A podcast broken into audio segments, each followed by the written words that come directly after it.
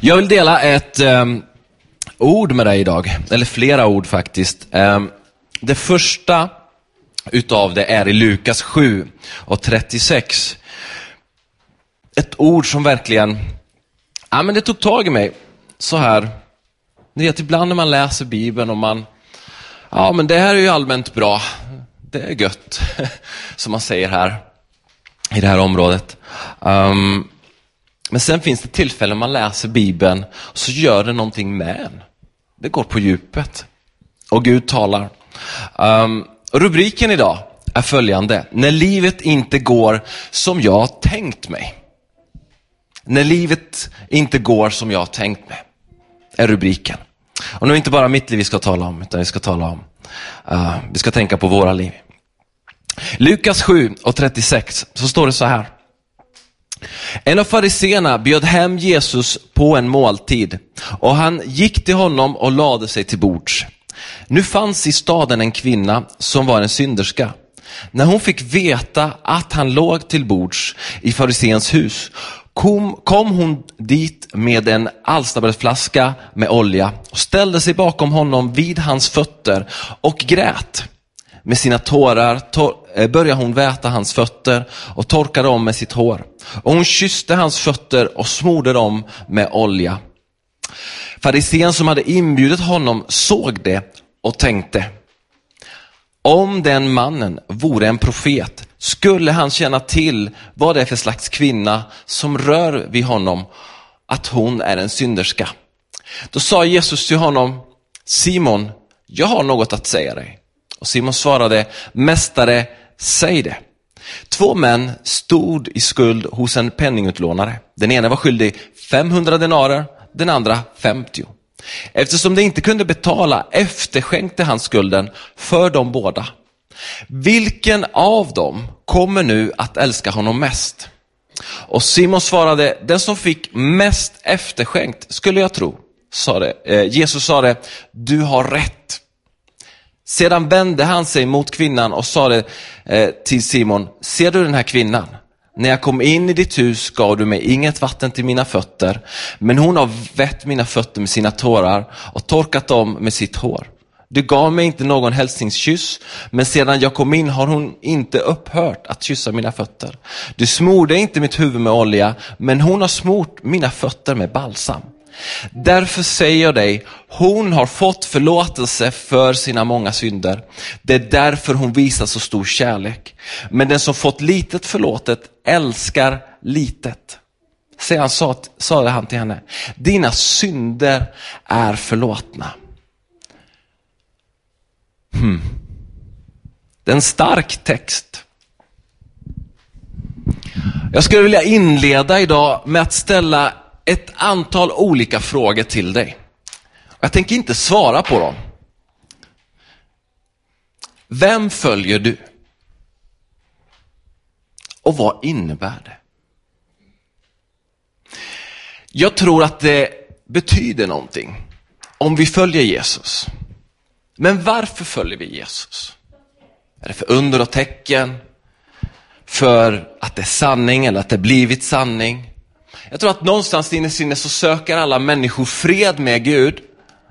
Uh, men vi kämpar ju alltid med just det här kampen mellan kunskapen och välja Guds väg. Precis som Eva och Adam valde kunskapen för Guds väg. Så kämpar vi idag med att välja kunskapen framför Guds väg. Men om det är nu Jesus jag följer, varför följer jag då honom? Jag frågade det här till mig själv väldigt mycket igår. Är jag ens värdig att följa Jesus? Kan jag känna honom? Kan jag känna Jesus? Han är ju, jag, just, jag kan inte, precis som jag tar på Henrik här, jag kan inte ta vid Jesus just nu. Kan jag säga att jag känner Jesus? Ja, men eh, pastorn, förhoppningsvis så ber du, va? Du talar med Gud, va? Eh, känner du inte då? Så här. Ja, men känner jag honom? Vet jag hans vilja? Hör jag hans röst tala i mitt liv? Är jag tyst ibland så att jag kan höra honom tala in i mitt liv? Och så suckar jag när jag tänker på det lite grann. Hör jag Guds röst i mitt liv? Hör jag honom tala? Ja men hallå, du har ju Bibeln, du sa ju precis att du, det var ett ord som talar till det. Ja, jag vill tro det och jag tror också att det är på så sätt så också Gud kan tala. Men ändå kommer jag till den platsen så många gånger där jag bara ifrågasätter, känner jag honom? Vad håller jag på med egentligen?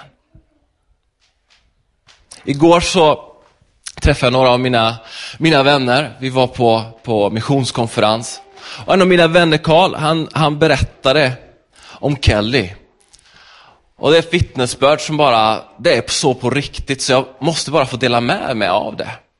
Kelly var prostituerad, äh, drogmissbrukare i San Francisco, äh, utsatt fullständigt så långt ner i slaveri du bara kan föreställa dig och lite till. Och så kom man dit från, från hans missionsskola och man berättade om, om Jesus, att Jesus älskar dig, att Jesus vill hjälpa dig, att Jesus vill resa dig upp. Och där och då så, så började han tro på Jesus. Tog en, en tid. Uh, I november månad, det här var tre år sedan, i november månad så åker hon ut på en missionsresa med några andra uh, för att Eh, berätta om vem Jesus är för en stam i Etiopien som aldrig hört talas om vem Jesus var. Och Den här stammen är en av de sista eh, som man tror har fått del av evangeliet i just Etiopien. Och Den här stammen var en slavstam. Den var, de hade blivit, det var sån här eh, folkslag som man åkte till för att hämta slavar, kidnappa människor för att ta till en annan stam för att vara slav där under resten av sitt liv. Det var en slavstam. De var det lägsta av det lägsta. Och när man kom till dem, man flög in med helikopter, man flög in med människor och, och berättade, eh, vi är här för att få berätta om de goda nyheterna. Vi vet att ni skulle komma. För ni har varit i den stammen och den stammen, alla stammar runt omkring utom här. Är det för att vi är slavar? Är det för att vi är mindre värda? Och så kommer Kelly in där. Det lägsta av det lägsta. Och får berätta om Jesus. Och den här stammen får komma till tro på vem Jesus är. Och så säger de, lämna oss inte som får bland vargar, utan flyg inte härifrån, lämna oss inte. Och då så säger hon, jag kommer att stanna kvar. Och hon stannade kvar där. Det lägsta av det lägsta till det lägsta av det lägsta i mänskligt sätt, men inte i Guds ögon. Så hon är där för att ge sitt liv till det. Och Det berörde mig så starkt för att det är precis som synderskan som smorde Jesu fötter. Den som har fått mycket förlåtet älskar mycket. Vad har du fått förlåtet? Och när jag tänker på vad jag har fått förlåtet så är det mycket. Men jag kämpar ändå med den här otillräckligheten. Känner jag Jesus? Och så fick jag höra talas om Louis. Min vän Karl berättar en till berättelse. Louis, han var en sån här enforcer, en sån här MC-knutte. En eh, slags eh, indrivare av, ja ni vet när man lånar pengar och med 50% ränta. Uh, så kräver man ju in skulderna på lite andra sätt än vad banken gör. Det är inget inkassobrev, utan man kommer med skicka dit en, en muskelknutte. Uh, med stora tatueringar på armar, uh, med liksom demoner och, och hakkors. Och, han var en riktig uh, bad guy.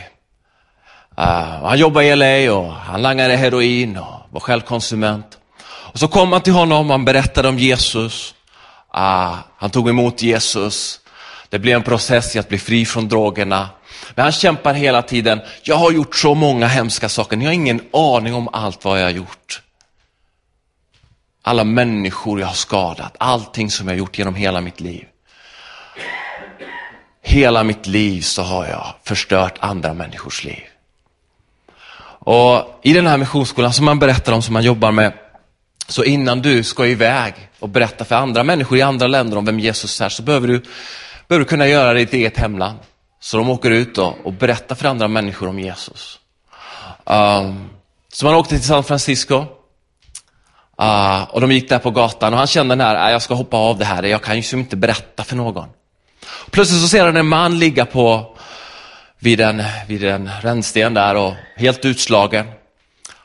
Och han går fram till honom och ber för honom, lägger handen på honom.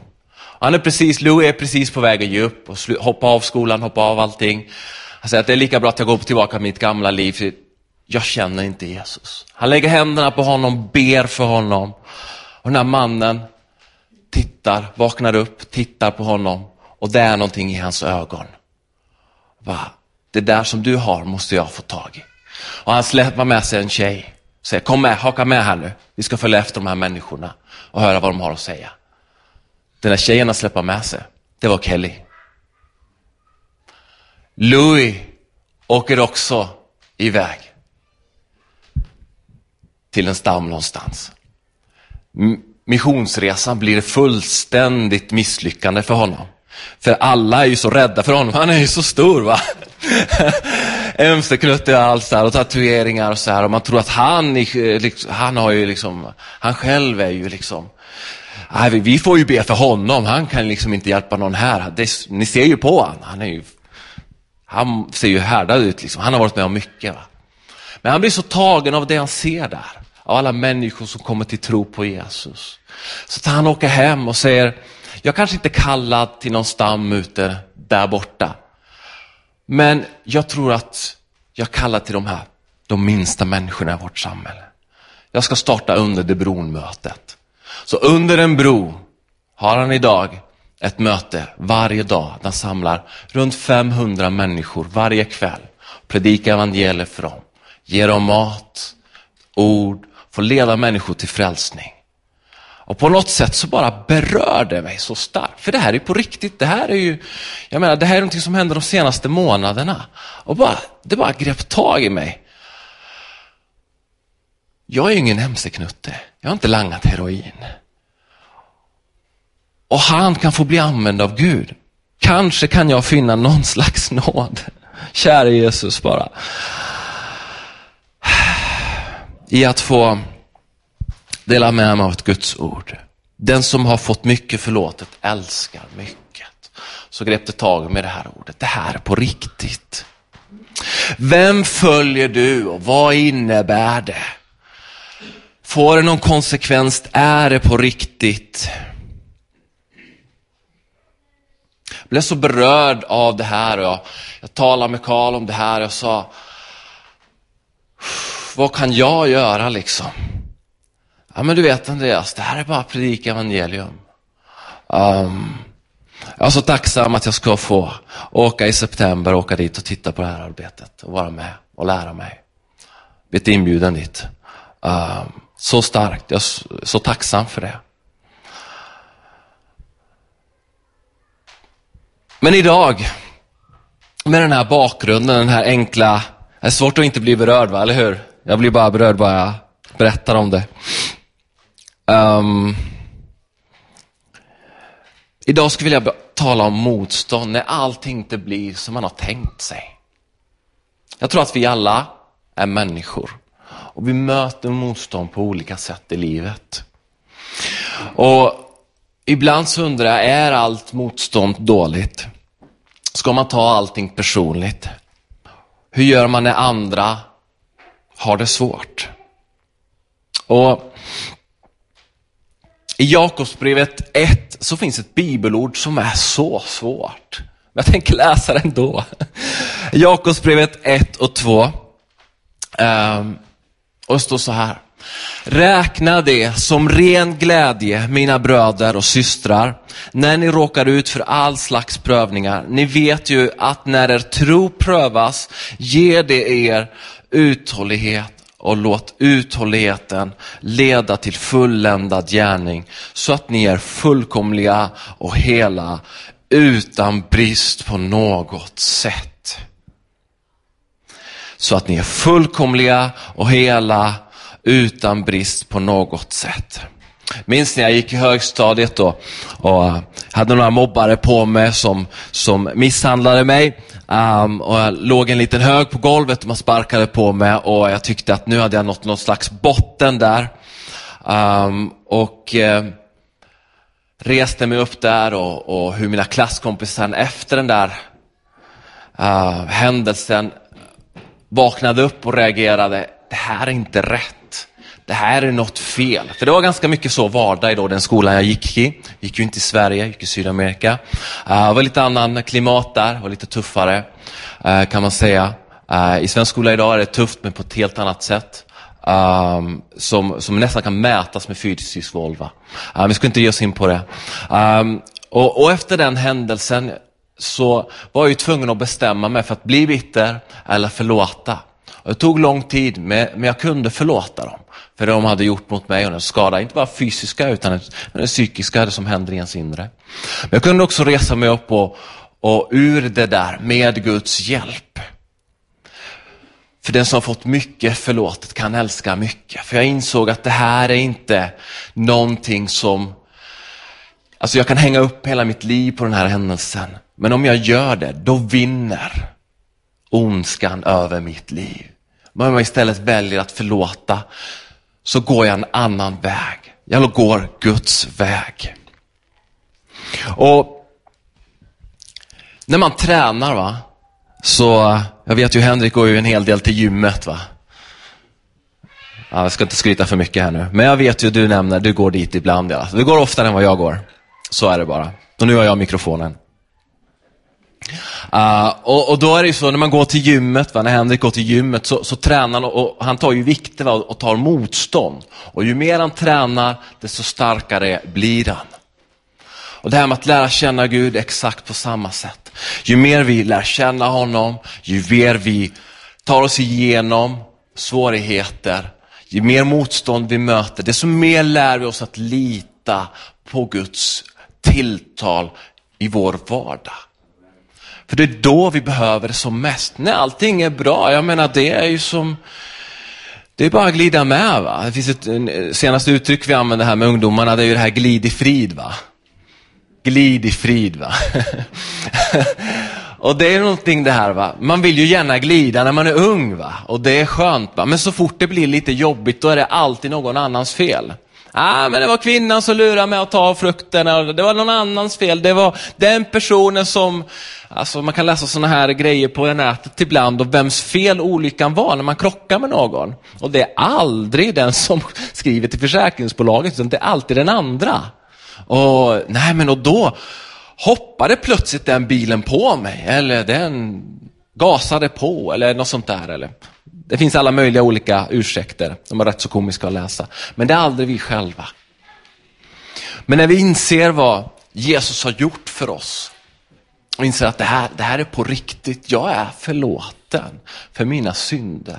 Jag kan inte prestera upp mig till någonting. Jag kommer aldrig bli fullkomlig, jag kommer alltid begå fel.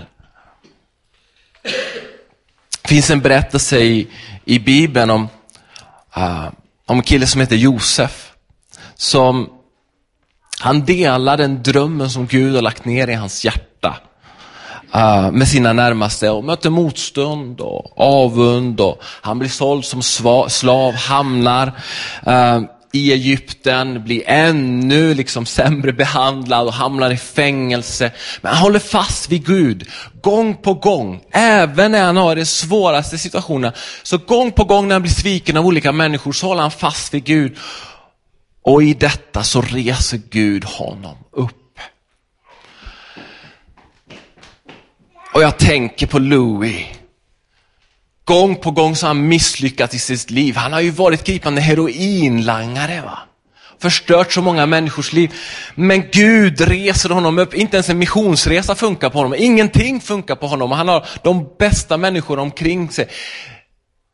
Men han har fått del av någonting. Han har fått del av förlåtelse och inser att jag behöver dela med mig av det här. Och när han delar med sig av förlåtelsen som han har fått del av sitt liv till andra människor så sker det någonting i hans liv. Han inser att wow, det här funkar. Andra människor behöver också det här. Vad är det jag tror på? Vad är det jag följer? Vi skulle kunna ta upp olika människor som börjar vålds banor. Nelson Mandela var ju en gripande terrorist, va? men vi hyllar idag honom som hjälte och fredspristagare va? Och, och, och, en som, som drev en förändring i ett helt land. Va? Men han var ju en gripande terrorist, men insåg att hallå, det funkar inte. Det måste finnas en annan väg. Och valde att gå, eh, att använda fredliga metoder för att uppnå det mål som man längtar efter att se. Att övervinna det onda med det goda. Första Petrusbrevet 3 och 17.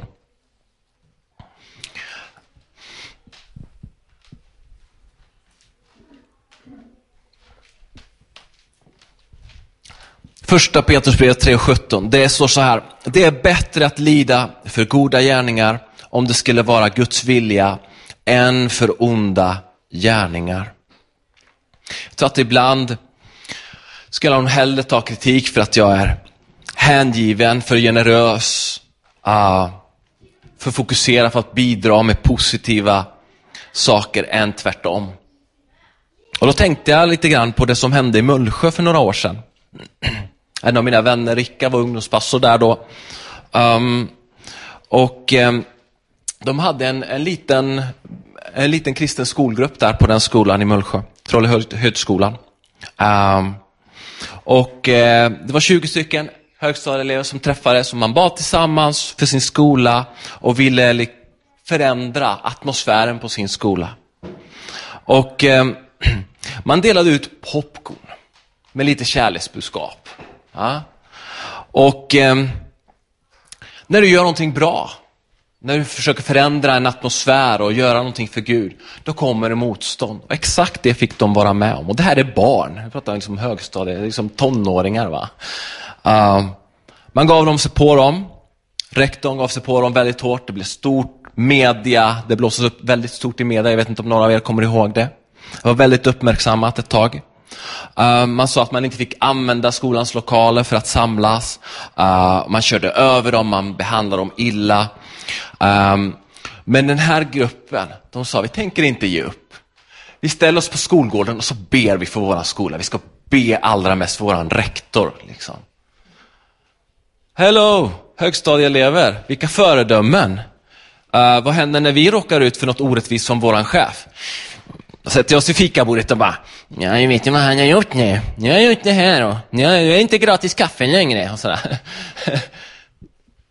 Det är inte du såklart, jag har gjort det. Um. och eh, om man ställer sig där, om man skulle kunna tro att efter månader motstånd så skulle de ge upp. Men de vägrar ge upp, för de menar att okej, okay, är det så här, då gör vi någonting riktigt bra om folk reagerar och blir arga på det vi gör. För Gud älskar alla människor. Och det blev sån uppmärksamhet att de fick hjälp utifrån. Och det visade sig att rektorn och flera andra på skolan bröt mot lagen. Mot skollagen. De fick ändra sig. Och den här skolgruppen fick igen träffas i klassrum, på skolan, vara på skolans område. Och de fick igen göra saker på den skolan och dela med sig av Guds kärlek. Och då kan man tänka, ja, blev de svaga? Nej, tvärtom. De blev starkare i sin tro och blev mer överlåtna Jesus. Det gör någonting när vi möter motgångar. Det är inte alltid att det gör oss svagare. Kan för tillfället kännas så. Inser jag nu här att jag skulle kunna predika lika länge till. va? Men ni ser inte för trötta ut. Hoppas du i radio hänger med också. Um, jag tar min sista punkt också. Ta hjälp av varandra. Jag tror att det är så väldigt lätt att när man upplever någonting som är svårt så drar man sig undan. Men jag tror att det är då vi behöver varandra som mest. Galaterbrevet 6 och 2 säger, bär varandras bördor så uppfyller ni Kristi lag. Låt oss hjälpa varandra. Galaterbrevet 6 och 9 säger, låt oss inte tröttna på att göra det som är rätt. När tiden är inne får vi skörda, bara vi inte ger upp. Så länge det finns tid ska vi därför göra gott mot alla människor och framför allt de som delar vår tro. Jag gillar det. Framför allt annat ska vi stötta och bära varandra. Vi ska göra allt det vi kan för att göra det. Och till sist så vill jag bara lyfta ett kort exempel. Jag skulle kunna prata om den här mannen i resten av dagen. William Wilberforce, han föddes 1759 i, i England och var en politiker som fick möta Gud. Det ska vi be om mer om i det här landet, va? politiker som får möta Gud. Va? Och han var med och avskaffade slaveriet. Och han mötte år efter år efter år motstånd. Men till slut så får han igenom en delvis acceptans av att nu ska vi, nu ska vi liksom börja avskaffa slaveriet i det här landet. Eller liksom slavhandeln, det började så. Och sen blev det avskaffa slaveriet. Och sen när det har gått liksom 30 år till, då, då försöker han avskaffa all slaveri i hela, hela världen. Att göra människor fria. För han trodde att på Bibelns budskap att alla människor är skapta jämlika. Och han såg inte det. En månad efter hans död, då, då hände det, det som han hade längtat efter att se hela sitt liv. Han fick inte ens vara med och se det. Och så är det med dig och mig också. Vi kanske vara med och satsa och så in i människors liv. Och vi kanske aldrig får se det. Men från himlen så tror jag att vi kommer att få se och vara tacksamma för så många människor. Vi har fått möjligheten att bara få så in och då inte bara att vi delar med oss av evangelium, utan ibland kan det bara vara att vi delar med oss av en enkel uppmuntran. Så det här budskapet idag handlar om att på ett väldigt enkelt sätt bara måla den här bilden.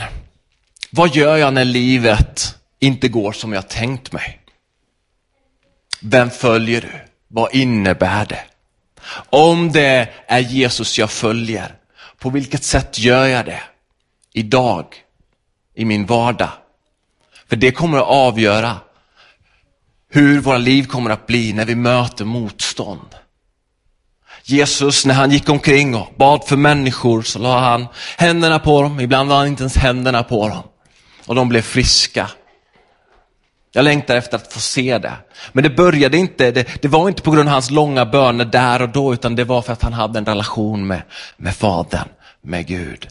Och någonting säger mig där, någonting väldigt viktigt. Att det handlar inte om vår egen kapacitet eller om vi känner oss värdiga eller inte. Utan det handlar om att ha en relation med den levande guden. För när livet inte blir som jag tänkt mig så är Gud där, även när det är så. Och idag skulle jag bara vilja be en enkel bön tillsammans med dig. Och du kanske blir berörd av den här berättelsen om Kelly och Louie och Kanske det är något annat ord som har talat till dig den här förmiddagen. Kanske är det det här upptäckten att, oh wow, jag blir förlåtet så mycket. Jag behöver älska människor mer. Jag, jag borde göra mer eller det kan vara egentligen vad som helst. Eller kanske bara börja att ha en relation med Jesus. Kanske finns det du som lyssnar via närradion idag som du har ingen relation med Jesus. Kanske är det dags idag att du beslutar för att ta en relation med Jesus och säga Jesus, jag tror på dig. Jag bekänner dig som Herre över mitt liv. Jag beslutar mig för att bli en kristen. Tack för att du förlåter mig och tar emot mig. Det är det enda som krävs, att du ber den bönen. Så är du frälst, så är du räddad, så är du en kristen. Det här är inte svårare än så. Sen vill vi såklart att du ska komma in i en kristen gemenskap.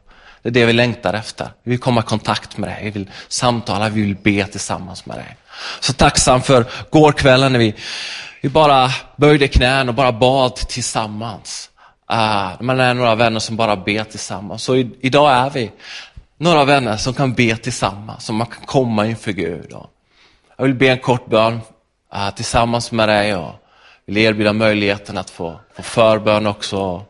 Henrik kommer ge lite mer inbjudan om det också alldeles strax. Men jag bara vill ge dig möjligheten bara att få tillsammans bara som vänner bara syskon i tron bara komma inför Gud och bara säga Gud, här är vi. Gud, så tackar vi dig för ditt ord här som bara berör oss så på djupet idag. Vi är så tacksamma för den förlåtelse som du har gett i våra liv. Du gav ditt liv på ett kors för oss för att vi skulle få liv, glädje, syndernas förlåtelse, ett evigt liv, botare från våra sjukdomar. Och just nu så kanske vi är i mängd olika situationer i livet där vi, där vi känner att vi saknar förlåtelse eller vi kämpar på motstånd. Kanske är det på vår arbetsplats, det är bara en, en stor attack över ens liv. Eller det är sjukdom som attackerar ens liv. Det är motstånd i familjen, det är brustna relationer, det är hälsa, psykisk ohälsa i mitt liv. Det kan vara egentligen vad som helst just nu som bara är som en storm. Eller bara likgiltighet. Jag har bara tappat glöden, jag har tappat det här. Att älska andra människor, att älska mig själv. Var än är Jesus så bara ber vi dig i Jesu namn. Gud, att du skulle komma och göra det du är bäst på. Lyfta av det, förändra, bota, hela, återupprätta, resa oss upp. Gud, vi är så beroende av dig. Gud, vi behöver din förlåtelse över våra liv varje dag. Vi behöver känna att vi är värdiga, att du har kallat oss till att vara dina barn. Gud, jag bara tackar dig Jesus, Herre, för att du griper in på ett övernaturligt sätt. Här och nu där vi är, där vi befinner oss just nu i livet. Tack Jesus för att du förlåter oss och du reser oss upp igen. Precis som den här kvinnan som kom till Jesus och bara kastade sig på honom. Så kastar vi oss på dig idag och säger Gud, res oss upp igen. Gud, låt oss få stå upp igen. Tack Jesus Herre för att du gör det i våra liv just nu. I Jesu namn. Amen.